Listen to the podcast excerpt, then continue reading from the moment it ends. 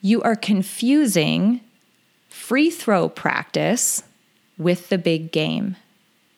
Your gratitude practice, your positivity practice, the intentional work you do to focus on the beauty in everyday life, that's free throw practice.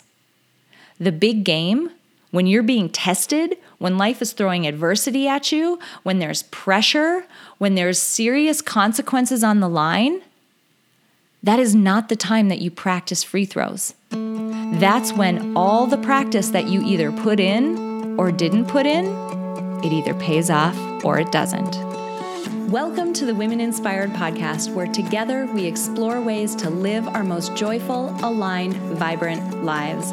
On this podcast, we draw inspiration from the lessons embedded in other women's stories, and we use them to catalyze our own growth and success. And we explore concepts and techniques from the fields of psychology and design thinking that can help us thrive and make the most of the one and only life we're ever going to have.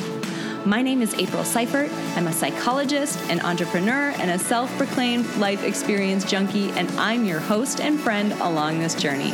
This podcast is supported by Modern Well, a woman centered co opportunity workspace in Minneapolis, Minnesota.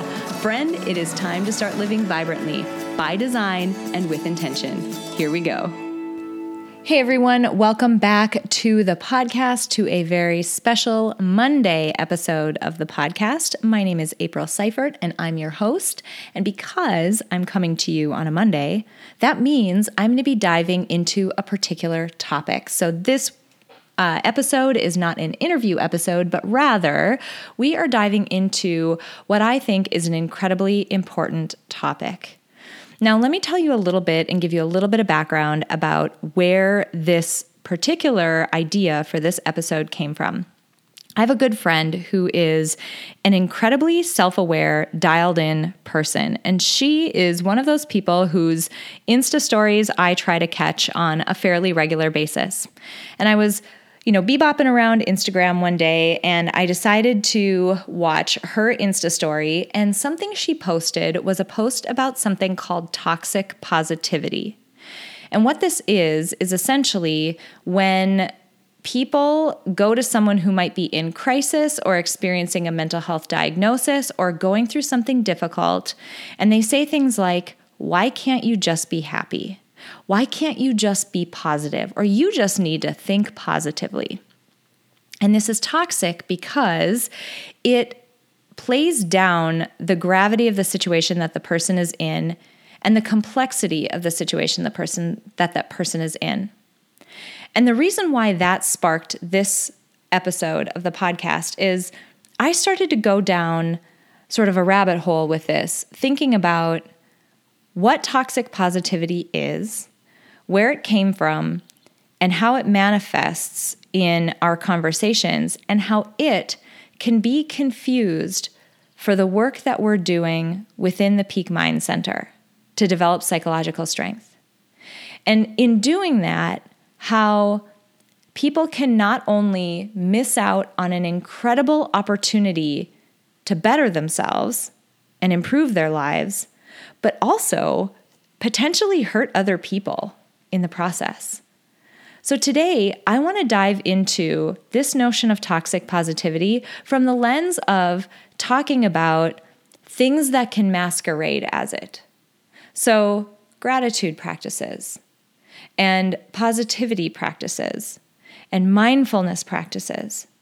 They can masquerade, or rather, toxic positivity can masquerade as them. And I specifically want to hit two key things that differentiate these practices from this post that my friend made. I'm not going to talk about who that person is, uh, but she's an incredible person. And if you are listening, I just want to say thank you. I'm going to reach out to you and let you know that you were the one who inspired this episode. But I just want to say thank you because it is giving me the opportunity to talk about something, a nuance in this area that I think would be very easy to miss. Now, let's hit the first topic here. Toxic positivity asks people to basically pretend that everything is good, pretend that everything is happy, pretend that you know, you're grateful for the situation you're in, pretend that everything that's going on is going well and that the negative things that are happening, if you could just be happy, you could ignore those negative things that are happening. Now, it would be easy to see or to think that the field of positive psychology or the practices around developing psychological strength, they might on the surface sound like that, right? We ask people to use gratitude as a practice. Aren't you just pretending that everything is good and that you're grateful for everything? Not quite.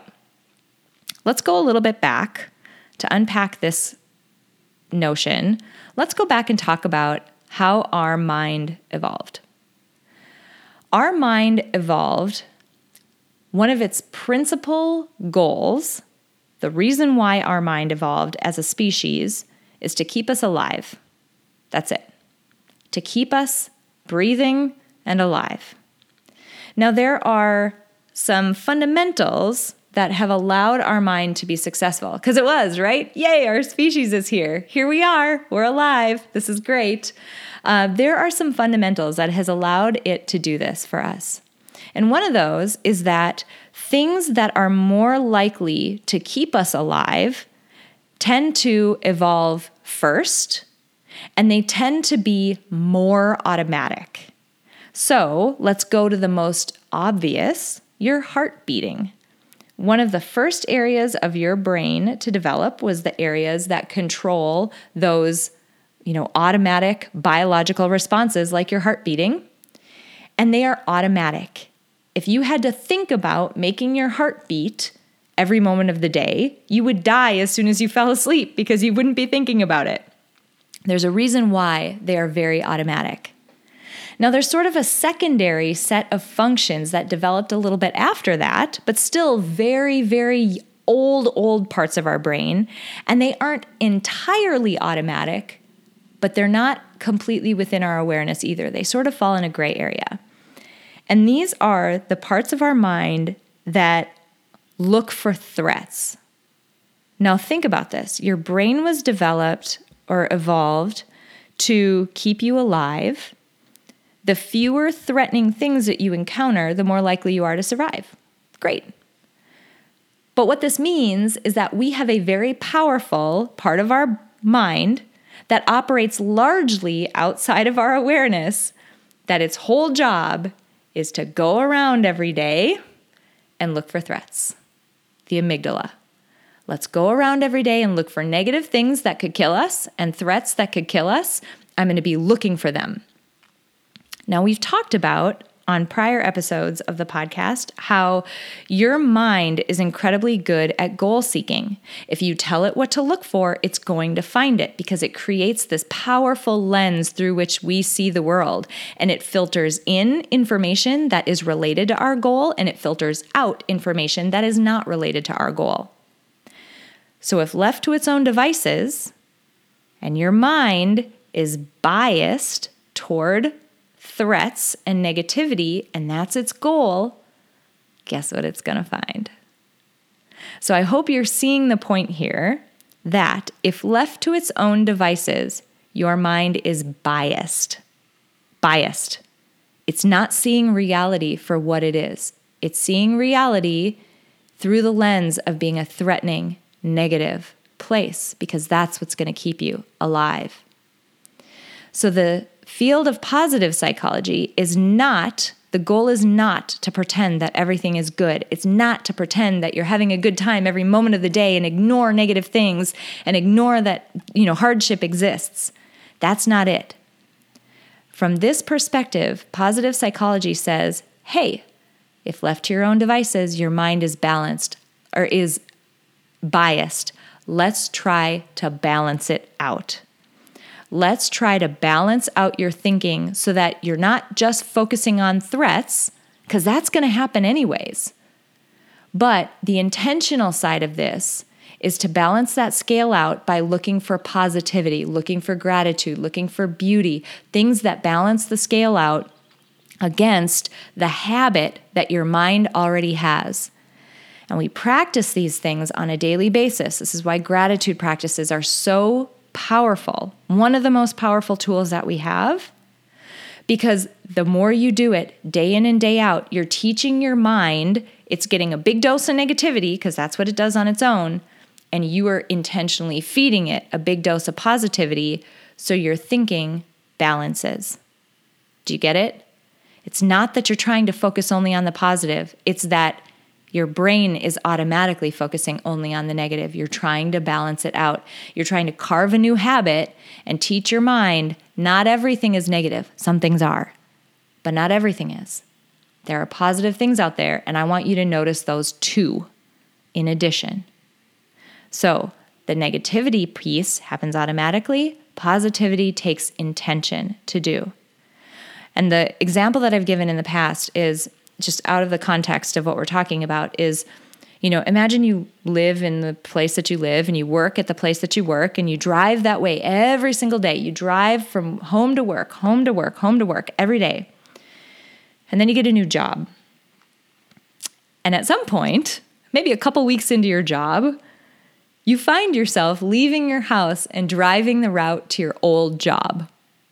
Right? It's happened to so many of us. You're driving the route to your old job because that is a habit. That's a mental habit that you have carved into your mind by doing it every single day. And when you know your mind relaxes and is left to its own devices, it falls into that groove and falls into that habit that you intentionally carved by driving to your old job every single day. But now you want it to go down a different route. You want it to go down a different street and it requires intention to carve that new habit to get your mind to just drive you to your new job as you know easily and as thoughtlessly as it did before to your old job. Similarly we use these intentional gratitude practices and other things. I keep relying on that one because that's what everybody hears you know in the mainstream media and other places. But we intentionally use those practices in order to send our mind down a slightly different path than where it would go normally. So the goal isn't to pretend everything is good, the goal is not to ignore difficulty and pain and struggle in life because those are life, those are realistic. But the goal is to be less biased by balancing this crazy old part of our mind that formed so long ago, whose goal is to just keep us alive. So that's point number one. Point number two part of what this post that my friend posted was getting at was when we talk to people who are going through a difficult time, say with depression, or they've recently experienced a divorce or experienced another loss of some sort. Maybe someone has passed away, or it could be something else, a job loss.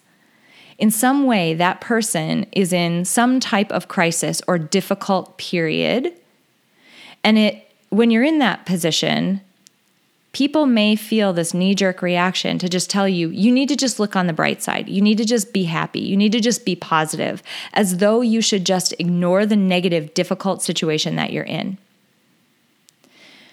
What I would say here, you are confusing free throw practice with the big game. Your gratitude practice your positivity practice, the intentional work you do to focus on the beauty in everyday life, that's free throw practice. The big game, when you're being tested, when life is throwing adversity at you, when there's pressure, when there's serious consequences on the line, that is not the time that you practice free throws. That's when all the practice that you either put in or didn't put in it either pays off or it doesn't. So think about that.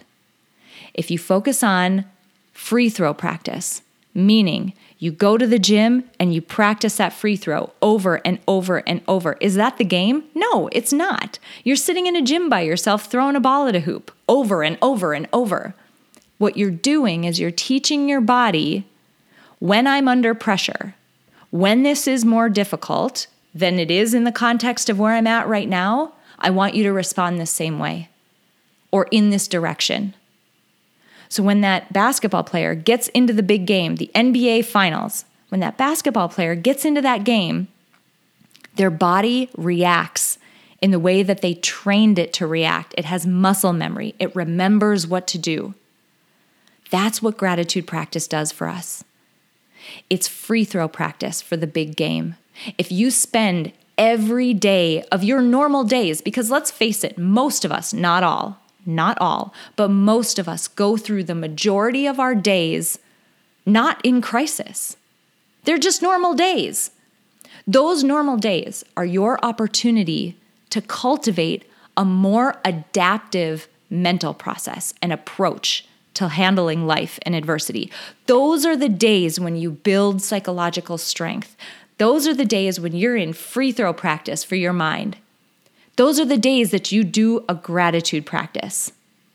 So, similar to a basketball player who's going to go and shoot free throws every single day to practice and build that new habit, you're doing a gratitude practice every single morning to practice and build a new habit so that when life throws a test at you, so that when someone dies, you experience adversity of another type, you've already put in the hard work to train your mind to be more adaptive. It doesn't work to shoot free throws during the game. So, saying you're in crisis, you should just be positive. That's like telling someone in the NBA finals, why don't you take a few practice free throws at that before you do it for real? That's dumb. That's not how it works. That's not how this works either. Your practice happens outside of the test. Your practice happens on those normal, everyday days where you're not in crisis and you're not being tested. So you're you're trying to the point is not to try to make light of or deny the difficulty of what are truly testing times for all of us and that every single one of us will experience. The point is to do these practices to set yourself up to stay mindful when it happens, to thrive through that adversity. What this means is that when you're tested, your mind has a tendency to ruminate.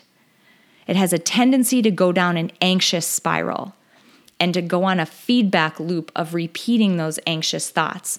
I'm not going to say this will stop it completely for you, but if you're doing this practice day in and day out, it should lessen that tendency of your mind to ruminate. Ruminating and anxiety does not help any situation, but lessening it may help you thrive through that testing time that's what building psychological strength means. It means free throw practice, not trying to fit it in the big game. You do that before you're tested. Now, I want to throw in one third thing. Like I know I was going to I said I was going to talk about th- two things, but I'm going to throw in a third one before I end this episode. And that's this. Just a little note on the normal days. You know, I mentioned not everyone, but most of us. Most of our days are just normal days. We're not in crisis. They're also not the best day of our life. They're just normal. We go to work, we make dinner, we take a shower, maybe we go to the gym. I don't know. We do normal things. Your mind is setting you up to survive those days. What if, just for funsies, we flirt with the idea that those days could be so much more than just you surviving? What if these same practices that would help you thrive through adversity would help you thrive on those normal days. Those normal days where you're not being tested. Those normal days where you can choose to have balanced thinking until that balanced thinking is more automatic. And doing that is only going to help those normal days feel all that more aligned, all that more vibrant, all that more incredible because you will have put this practice that is meant to help you through adverse times to work on a day when you're not experiencing adversity. It's incredibly powerful, and I encourage all of you to try it. There's one practice that I ask everyone to do, and I'm gonna, I'm gonna leave this with you as we close out this episode. One practice that I ask people to do that will absolutely change the way that your mind works. You will feel like a different person after a couple of weeks. Every single day, I want you to take a photo of something beautiful and I want you to post it on social media. That's it. At some point during the day, you have to find one beautiful thing. You can loosely define beautiful. Find one beautiful thing and post it on social media. By doing that, what you're doing is at some point your brain will catch on and it'll realize, oh, she's going to make me find something by the end of the day. I might as well start looking now because I'm going to have to find it by the end of the day. I'm just going to save myself some time. I'm going to start looking now.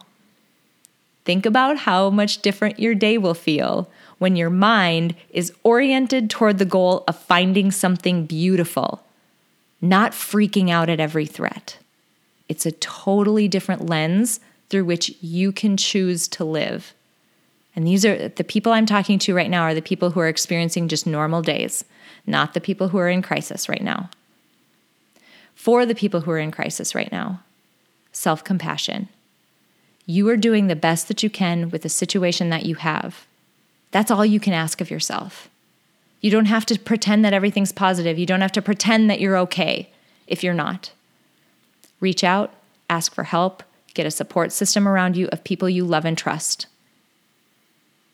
But for people who are not in that situation, people who are experiencing just normal days right now, set yourself up to be as successful as you possibly can. Build psychological strength now. Now is absolutely the time. If you want more resources on this, this is exactly what we're working on within Peak Mind, the Center for Psychological Strength.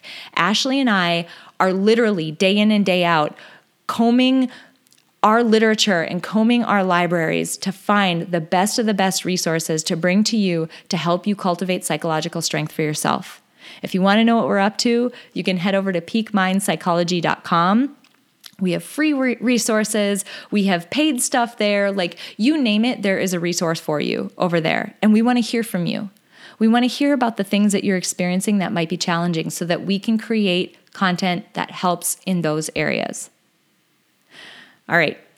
Before I close this out, I want to say thank you one more time to my incredible friend with the incredible post that sparked this episode. Again, the goal is not to pretend everything is good. The goal is to balance your thinking so that you are less biased than your reptilian brain will allow you to be on its own. And do not confuse free throw practice with the NBA finals.